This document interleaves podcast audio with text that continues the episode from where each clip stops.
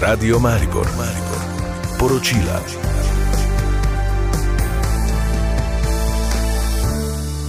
Jasmina, dobro jutro. Dobro jutro obema, vabljeni k poslušanju. Predstavniki ameriških in izraelskih oblasti ter palestinskega gibanja Hamas naj bi bili blizu dogovora o prekinitvi spopadov v Gazi v zameno za izpustitev talcev, poroča časnik Washington Post. Bila hiša poudarja, da dogovor še ni bil dosežen. Ameriški predsednik Joe Biden meni, da bi morala imeti Gaza in Zahodni breg po koncu spopadov enotno palestinsko samoupravo.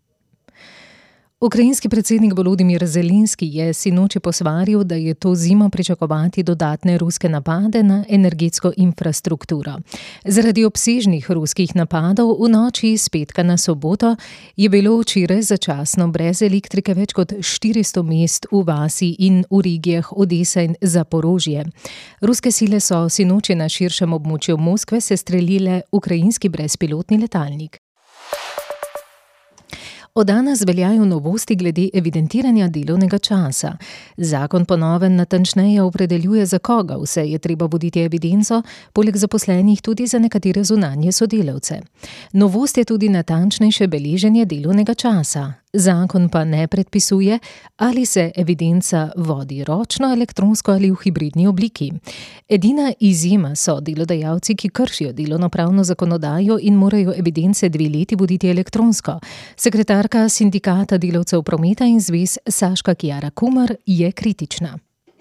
Jaz imam zelo veliko dilemo, da bo sprememba zakonodaje karkoli spremenila ker že zdaj imam občutek, da uh, inšpekcija ne opravlja svojega dela. V prihodnjih treh mesecih bodo tako lahko uporabniki sporočili svoje mnenje, če bo treba, bo vlada zakonodajo popravila. Delovni inšpektori bodo nadzor začeli januarja, do takrat bodo v vlogi svetovalcev. Ministrica za zdravje Valentina Prevoljnik Rupel bo danes z direktorjem bolnišnic in zdravstvenih domov med drugim predstavila protokole za urejanje čakalnih seznamov. Tega že nekaj mesecev pripravlja delovna skupina in zdaj pričakuje še odziv z terena. Protokol pripravljamo na novo, izhajamo pa iz, eh, seveda iz stvari, na osnovi analize smo ugotovili, kje so določene pomankljivosti v obravnavi čakajočih oziroma v eh, čakalnih seznamih in smo jih s protokolom želeli urediti, tako da nekaj je sprememb, nekaj novih stvari. Da. Spremembe, ki naj bi izboljšale dostopnost do zdravnikov, predvidevajo tudi novo metodologijo za določanje okvirnih terminov, ki najbolj motijo bolnike. Ti bodo o terminih obveščeni samodejni prek SMS sporočil elektronske in navadne pošte. Tudi napotnice po stopni nujnosti zelo hitro ne bo več, saj v praksi ni izvedljiva. Da bo tekmovanje za zlato lisico tudi v smučarski sezoni 2023-2024 izpeljano v Kranski gori, že dolgo ni skrivnost. Predvsej bolj skrb vzbujajoča pa je zadnja informacija, da je organizacijo jubilejne 60. izvedbe prevzela Smučarska zveza Slovenije. Tekmi svetovnega pokala za dekleta sicer res ostajata v Sloveniji, temeljno vprašanje pa je, ali se je Maribor s tem dokončno poslovil od mednarodno prepoznavnega tekmovanja, ki je poneslo glas o mestu in pohorju v svet. Prispevek Deana Rata. Najboljše smučarke sveta so na zadnje tekmovale v Mariboru leta 2019. Vsa leta od takrat pa je bila prizorišče tekmovanja za Zlato lisico Kranska gora. Lisičke bodo na Gorenskem gostovale tudi 6. in 7. januarja prihodnje leto, a tokrat s pomembno spremembo. Organizacijske niti prevzema Smučarska zveza. Dosedanji organizatori Branikovci bodo tako ob sicer enoletnem nadomestilu za uporabo imena Zlata lisica le še postranski udeleženci. Generalni sekretar Zlate lisice Gregor Lednik. Dogovor je tudi, da kakor hitro bodo izpolnjeni pogoji v Mariboru, se seveda tekmovanje za Zlato lisico potem vrne tudi v Maribor.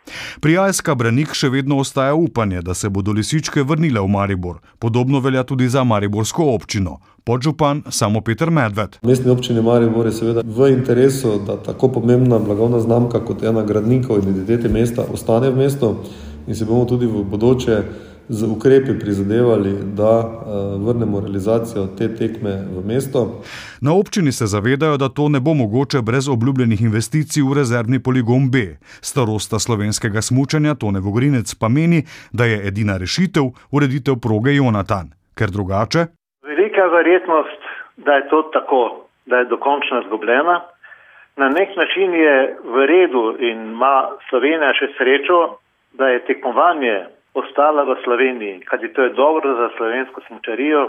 Vogrinec še dodaja, da je vrnitev zlate lisice domov v Maribor odvisna od finančnih vlaganj, da pa je glede na trenutno stanje v občinski blagajni le malo verjetno, da bi do te investicije lahko prišlo k malu.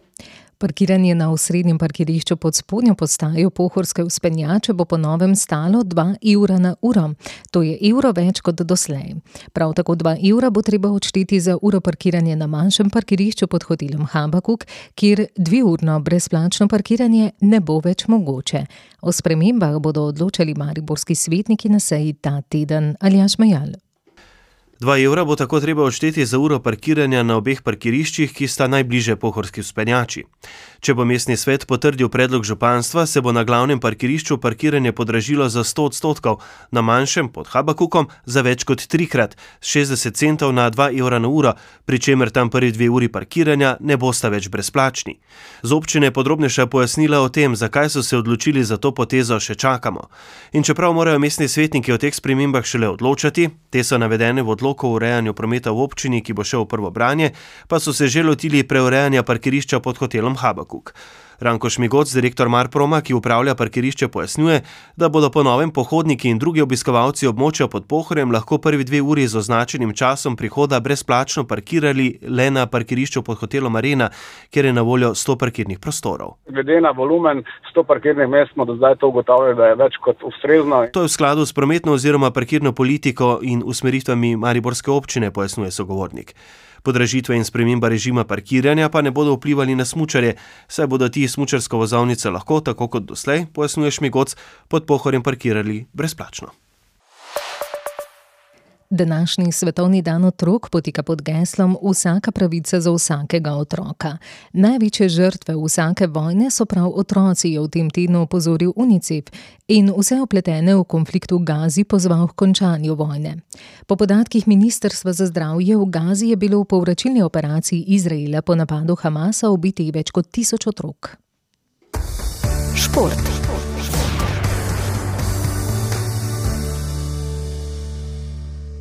Slovenska nogometna reprezentanca je pred zadnjo odločilno ali pa če želite finalno tekmo s Kazahstanom v razprodanih stožicah Izbranci Matjaža Keka so po dolgem času v položaju, da se preko kvalifikacij lahko pribijajo na veliko tekmovanje.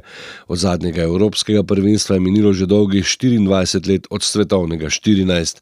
Pomembno je dejstvo, da so odvisni sami od sebe. Proti Kazahstanu morajo za pot v Nemčijo osvojiti vsaj točko. Slovenija ima po devetih tekmah 19 točk, Kazahstan, ki ga je Slovenija v gosteh ugnala v začetku kvalifikacij z 2 proti 1, pa točko manj. Kapitan in prvo ime med vratnicami Jan Oblak. Vsi smo želeli to, da bi bili nekako v zadnji tekmi v opcijah za Evropsko prvenstvo, tako da mislim, da smo kvalifikacije do danes odigrali zelo dobro, ampak fali ta zadnja tekma, to finale in seveda, da komaj čakamo, da se začne. Verjamemo v to, da nam bo uspel in prepričan sem, da bo cela ekipa dala vse od sebe za ta skupen cilj, ki si ga vsi zelo želimo. Vloga favorita bo na domači strani, ki ima za razliko od Kazahstana kar nekaj v svetu uveljavljenih nogometašev, začenši z Jamnom Oblakom in Benjaminom Šeškom, ki sta po transfermarktu vredna 35 oziroma 30 milijonov evrov. Na 10 milijonov sta ocenjena tudi člana Udinezeja Jaka Biol in Sandy Lovrič. Pri Kazahstanu s 6,5 milijona močno izstopa Bahtjor Zanjudinov, a najboljšega strelca kazahstanske vrste zaradi poškodbe ne bo v Ljubljano. Slovenija je ob tem na domačem igrišču neporažena že sedem tekem, a Kazahstanci so v teh kvalifikacijah pokazali, da lahko v gosteh zmagajo. Slavili so v San Marinu, v Belfastu proti Severni Irski in na Finskem. Srečanje se bo začelo ob 20.45. Matej Štrafela, Vreme je znova onemogočilo izvedbo tekmovanja za svetovni pokal v alpskem smučanju pod Materhornom na meji med Švico in Italijo.